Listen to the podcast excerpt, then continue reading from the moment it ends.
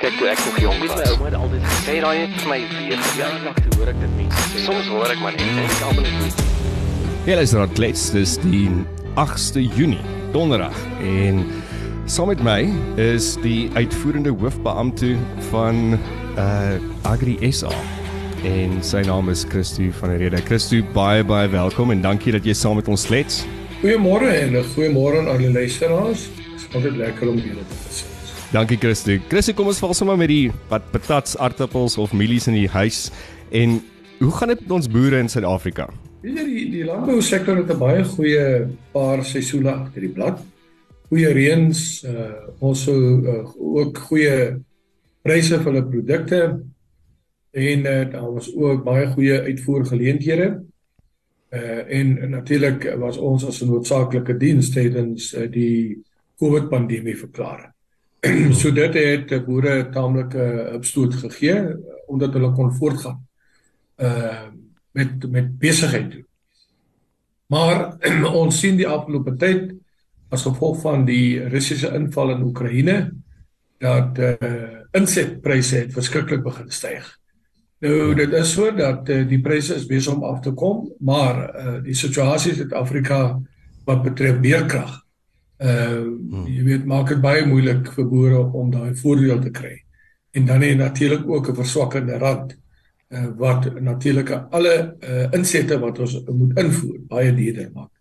So ja, boere se winsgewend is onder druk en ek dink uh, moeilike paar seisoene lê voor uh, as ons nie jy weet uh, uit hierdie situasie uitkom nie. Die insette wat ons kry van wat wat jy nou genoem het rakende die die oorlog in Oekraïne ehm um, en Rusland dit het regtig kospryse baie opgestoot. Wat was die rede daarvoor? Watse insette kry ons van hulle af wat so kardinaal was vir ons landbou?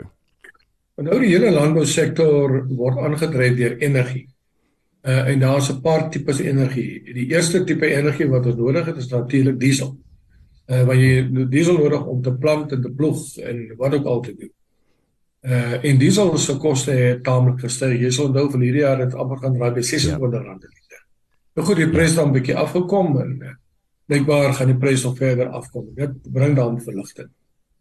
Ehm um, en uh, as gevolg van die oorlog en die logistieke en al die goed wat ge ontwrig was, uh het dit maar gelei tot tot prysstygings in diesel en dit ook diesel word op groot skaal uh, in Rusland geproduseer. En omdat daar sanksies was teen Rusland, het dit ook natuurlik aanleiding gegee tot prysstygings. Dan uh, daarmee saam elektrisiteit. Elektrisiteit het jy nodig om jou koelkamers te aan te dryf, om jou pompe te dryf, om jou verwerkingsaanlegte aan te dryf En uh, ons het die afgelope tyd baie baie hoë vlakke van weerkrag ervaar. Uh en dit veroorsaak dat boere nou geld moet uithaal en wat hulle nie altyd het nie om nou dieselkragopwekkers te koop en diesel aan. So uh dit en dit geld nie net vir die boere nie, maar dit geld ook vir die res van die waardeketting.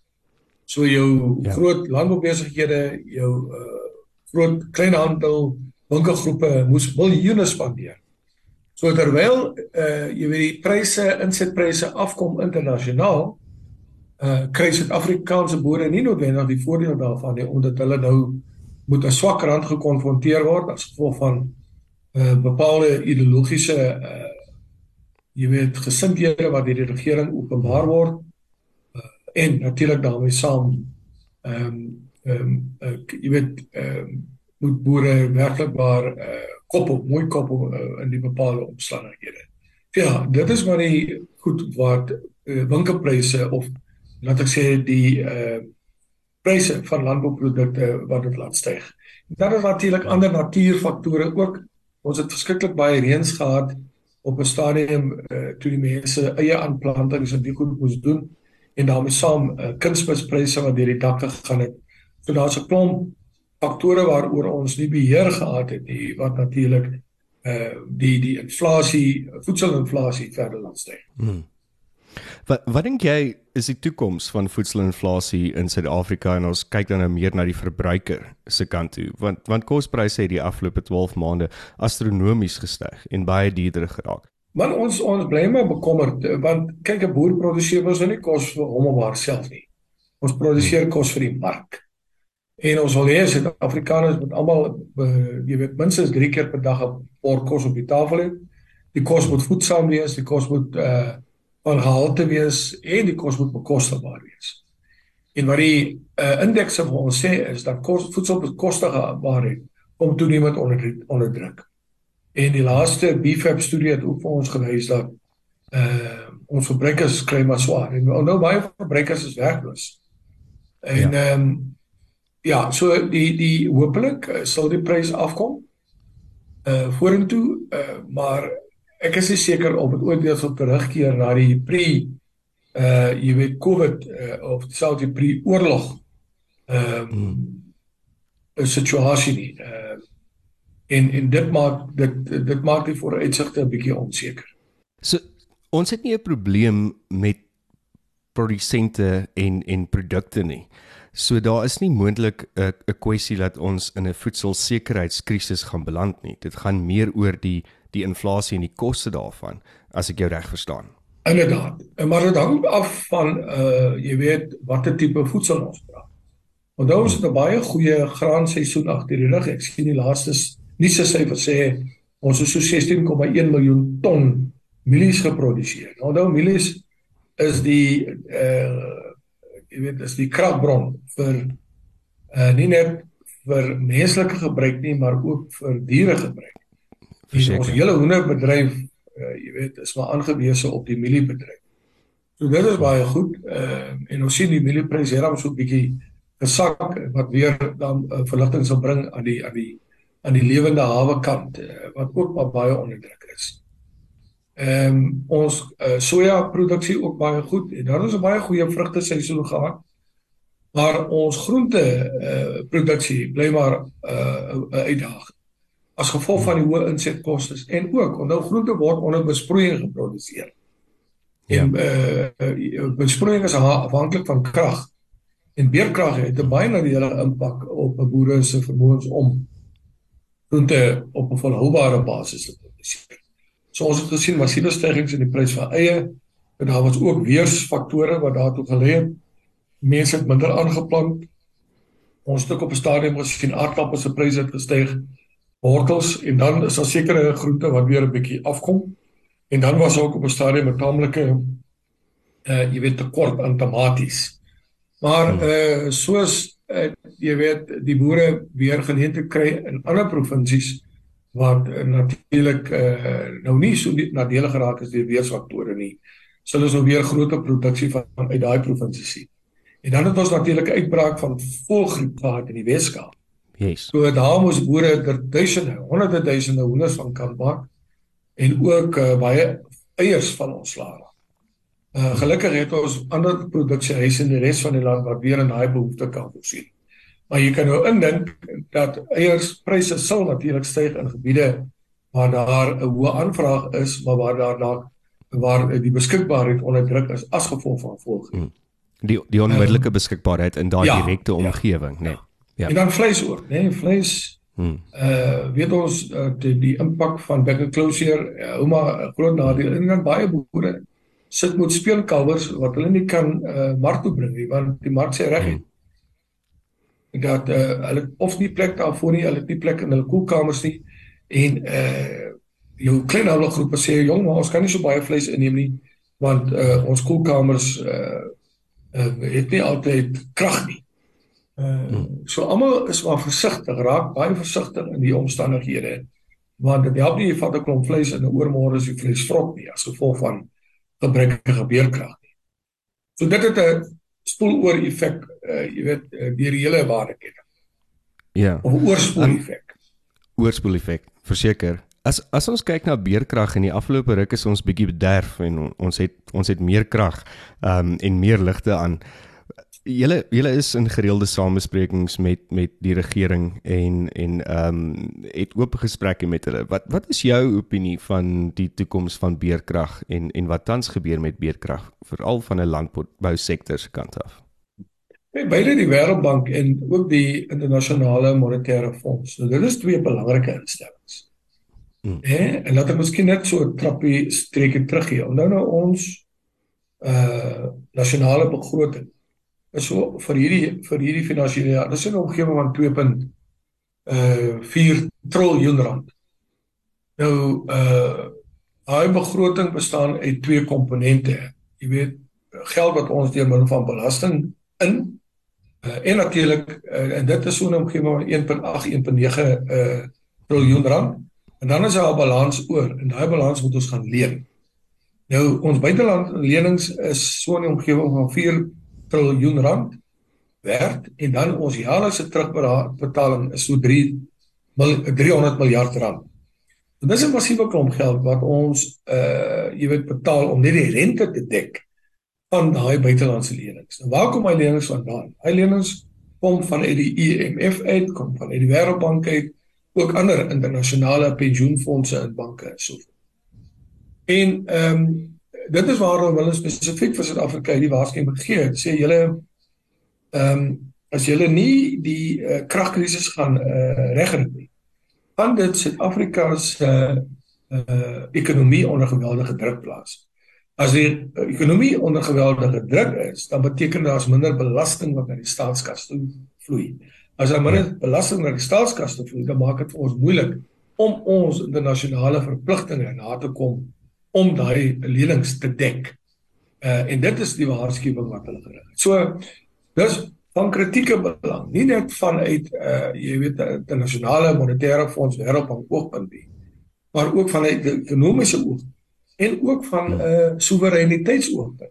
Jy kan jou indink wat gaan gebeur as Suid-Afrika nie meer sy skuld kan betaal nie. En ek ben al die krediet ehm uh, agentskappe uh, hou ons uh, jy weet met met valk oor dop en ons Zeker, is al reeds ja. afgegradeer oor tyd.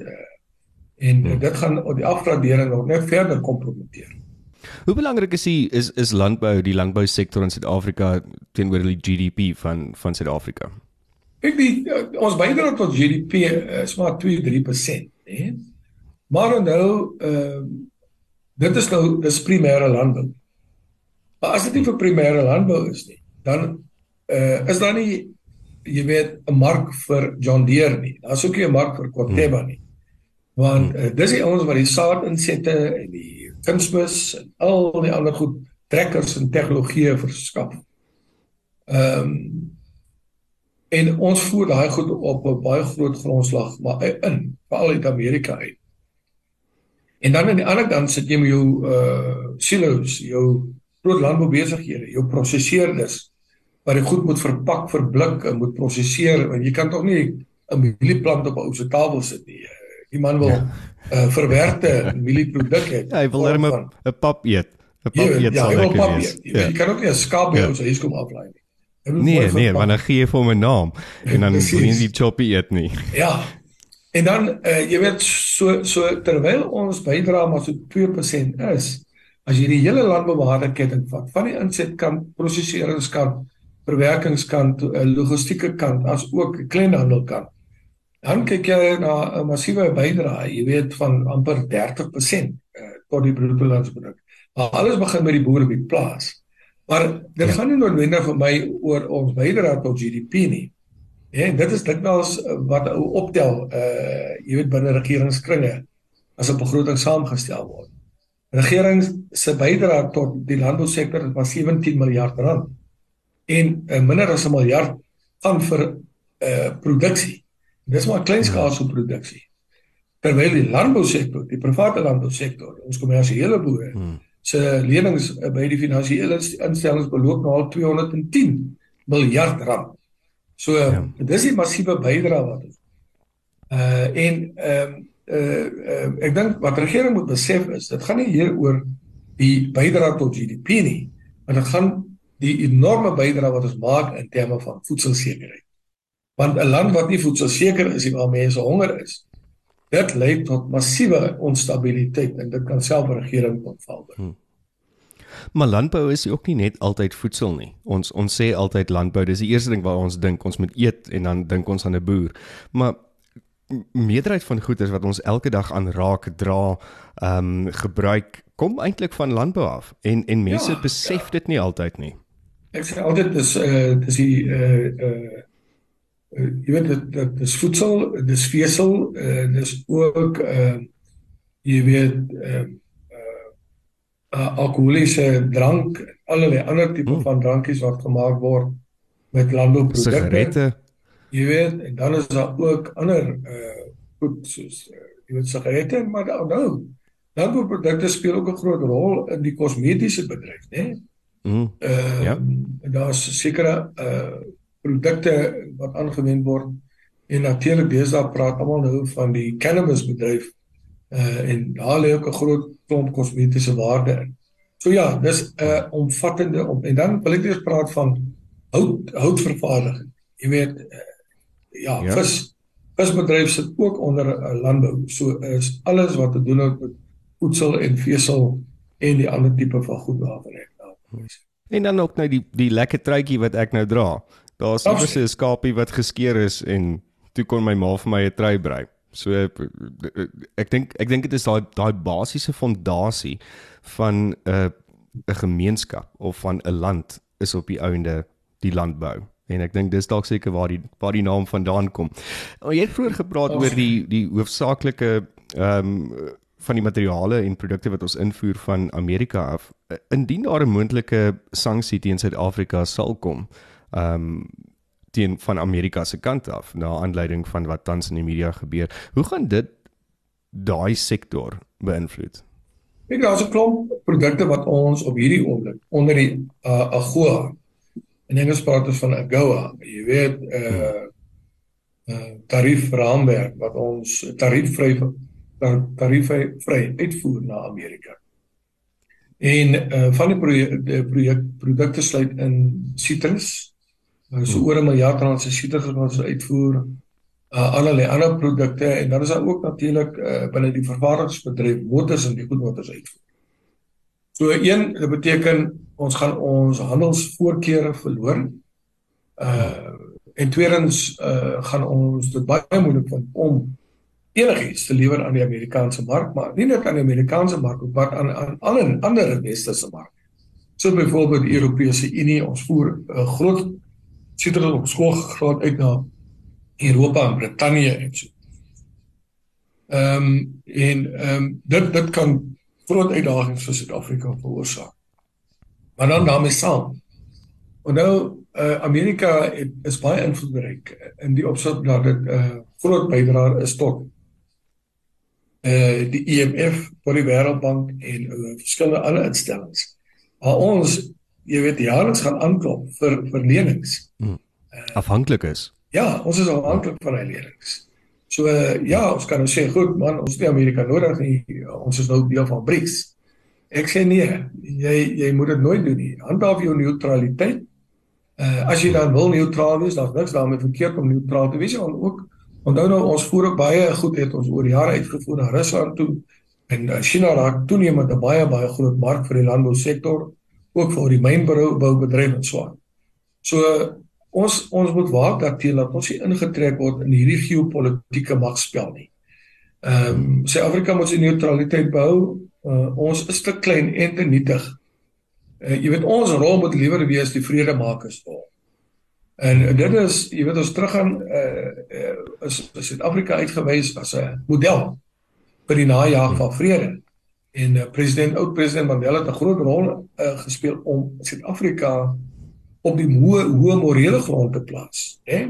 Yes. En die hartseer is net dat ehm um, ons is nou besig om uh onsself uh jy weet in die voete skiet. Deur uh te noue samewerking in in die Bentekom samewerking. Ek het nou reg met iemand gepraat en toe sê hulle ehm um, dis 'n ekonom ook wat gesê dat Suid-Afrika sy charme verloor in die wêreld se oog. En oh. en dit het baie te doen met daai tyd en en die harde werk wat wat president Mandela en ook ehm um, Evie de Klerk gedoen het ja. in in die pre-1994 ja, nee, by 1994. Ja.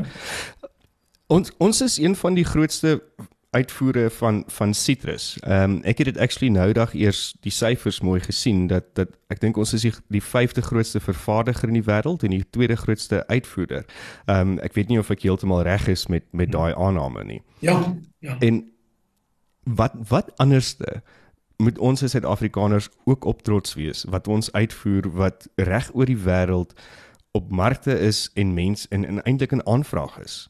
Ons weet nou van sitrus. Wat is daar nog? Ja, kan nou Suid-Afrika se sagte vrugte is baie baie gesond. Uh, Suid-Afrika se druiwe is baie gesond. Uh, ek was nou daar daar in Appington Kakamas waar uh tafeldrywe en rosientjies en goed geproduseer word. Dit gaan alles hmm. in die res van die wêreld. Selfs oor die Afrika kontinent sal baie Afrikaners vir jou sê, "Jong, maar hier word nou appels in my land geproduseer, maar ek soek Suid-Afrika se appels." Ek het nou 'n ja. vriend wat teruggekom het uit Londen en hy sê my ek soek vir daai Suid-Afrikaanse vrugte hier in ons winkels. Ons kry dit hier nie, maar is oor see. En dan Suid-Afrikaanse neute, waar, nee. uh, ja, pekanneute, grondbone, makadamia neute. Dis verskriklik gesond. Uh ons vleis is verskriklik gesond. Oorsee. Yes. So uh jy weet ons voer ook suiker uit. Uh ons avokado's baie baie gesond, subtropiese vrugte. Hmm. So ja, ek dink Suid-Afrika kan werklik trots wees op wat ons vermag het. En natuurlik ons ons van ons groente, byvoorbeeld uh tomaties, uh en allerlei ander uh, groente word ook uitgevoer. Uh en dis kwaliteitprodukte. Dadels word op groot skaal uitgevoer. So kry so, ja. ons as Suid-Afrikaanse verbruikers minder kwaliteitprodukte omdat die beste uitgevoer word? Nee, nee noodwendig nie. Uh maar ons betaal natuurlik 'n premium vir die kwaliteitprodukte. En en ehm um, Ehm uh, dit is dit werk maar so. Dit is maar 'n basiese beginsel van uh, aanvraag en aanbod, jy weet, vraag en aanbod. En natuurlik, uh, onthou dis nie net ons voedsel nie, ons vesel is baie gesond. Ons voer uh, wol uit op groot skaal na China toe en katoen. Ja, seker is is dat uh baie van die uh baie min van dit word hier op Suid-Afrikaanse bodem verwerk omdat die koste van vervaardiging net net te duur is. En dit is eintlik waar die werksgeleenthede vir jong mense lê. In die fabrieke eh, en sovoorts en uh, dit het uh, China en baie ander Asiatiese lande oor tyd reg gekry. Hulle dalk nie al die hulpbronne wat Suid-Afrika het nie. Ek ben ons is so geseënd aan hulpbronne. En dis waarom hulle fabrieke geskep het. So hulle is meer in die sekondêre ekonomie en ons moet ons probleem is ons ekonomie is nog steeds vasgevang in die primêre sektor maar ons opvoedingsstelsel bemagtig ons mense nie vir die primêre sektor nie. Hulle bemagtig ons mense vir die sekondêre en die tersiêre sektore. Ja. Jou probleem is daar's te min werksgeleenthede in die primêre, ek ben in die sekondêre as ook in die uh, tersiêre sektore. Dit is waarom ons ja. Sit met hierdie massiewe werkloosheid. Maar ons arbeidsregime is die groot probleem. Jy weet, dit nou kom die staat staat sê man gee vir jou 350 rand. Ek sê nee uh uh laat die mense op groot skaal in diens geneem word by die private sektor en uh, moenie toelaat dat hulle deur unies uh, uh opgeraap word nie. Uh ons het toegelaat dat die unies te sterk uh, mag het oor die oor die werksplek. Uh, maar dan kan ek daai jong mense uh jy weet 2000 rand 'n maand plaas van 350. En nou kan ek jy weet as nou word geplig met die ou nog 4000 rand betaal. Maar ek ben plaas aan dat ek 100 mense kon in diens geneem het Nou kan ek net 50 in diens neem. Dis waar en ons gaan moet desentraliseer op die ou ende om om die werk werkloosheidprobleme in Suid-Afrika te te verander en eintlik aan te spreek.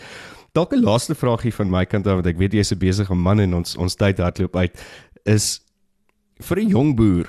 Kyk, as jy nou hier in Suid-Afrika is, iewerste in jou vlees en jou bloed en in jou gebeendere is daar maar 'n boer en almal droom van 'n stukkie grond en almal droom van van om ietsie te verbou.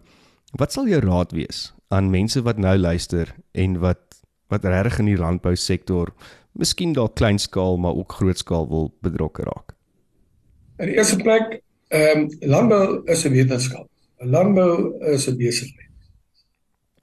Ehm um, dis nie grond wat kos produseer nie, dis kundigheid. Hmm.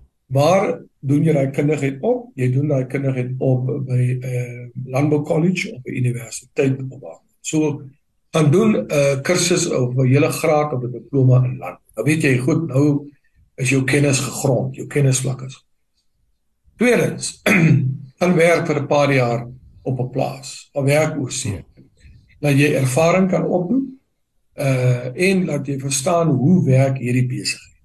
Daar's niks so goed soos ervaring nie. En dan derdens, as jy genoeg kapitaal opgebou het, uh dan moet jy ingeligte besluit neem.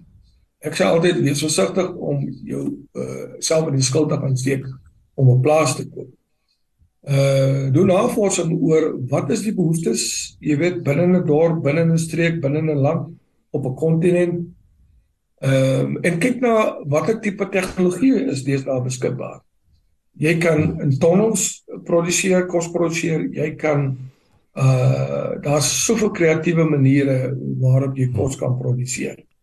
En dan daarmee saam iets soos hydro hydroponics en aquaponics is jy, is 'n nuwe nuwe ding. Ja, en en uh dis wat ek sê, dit is so belangrik, maar jy begin nooit by uh uh die die die produksie nie.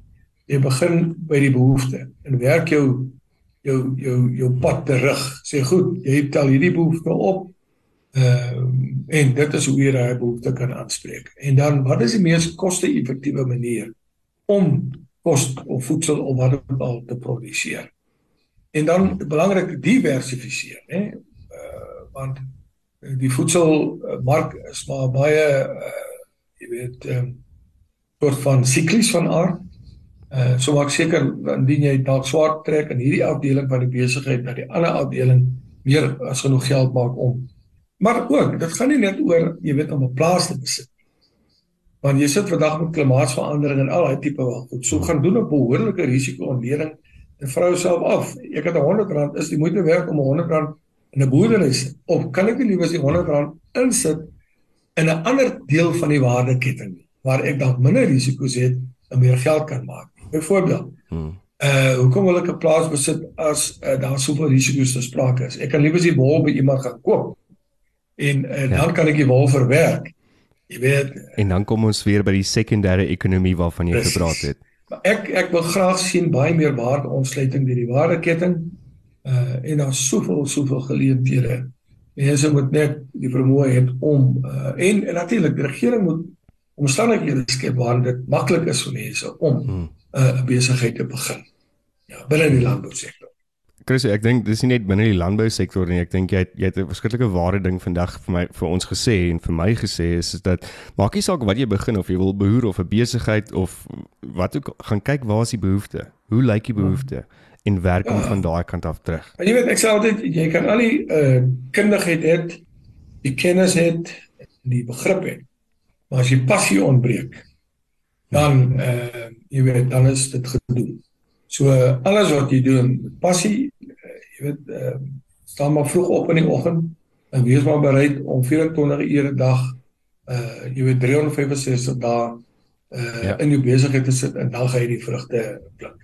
Ja, dis jy 'n boer is, hou jy nie vakansie nie. Dit weet ek van van kleintyd met my pa en en mense wat ek ken wat boere is. So daar's nie vakansie nie. 24/7. Christo, ongelooflik baie dankie dat jy saam met ons geklets het, deel jou inligting met ons gedeel het, jou kennis met ons gedeel het en hooplik gaan ons binnekort gou weer kan gesels verder oor addisionele goederes wat in die landbou aangaan. Baie, baie dankie vir jou tyd. Ons praat weer dankie, Christo. Baie. En dit was klets die 8de Junie net hier op Afrikaans met radio. Môre is ons terug met Wasie Joel en 'n paar ander interessanthede. Natuurlik ook uh Amore Becker, die fluweel stem van Afrikaanse radio. So moet dit nie mis nie. Chat môre. Kyk toe ek nog jong was, my ouma altyd gesê raai het vir my vir jaar lank hoor ek dit mense. Soms hoor ek maar net en ek almal net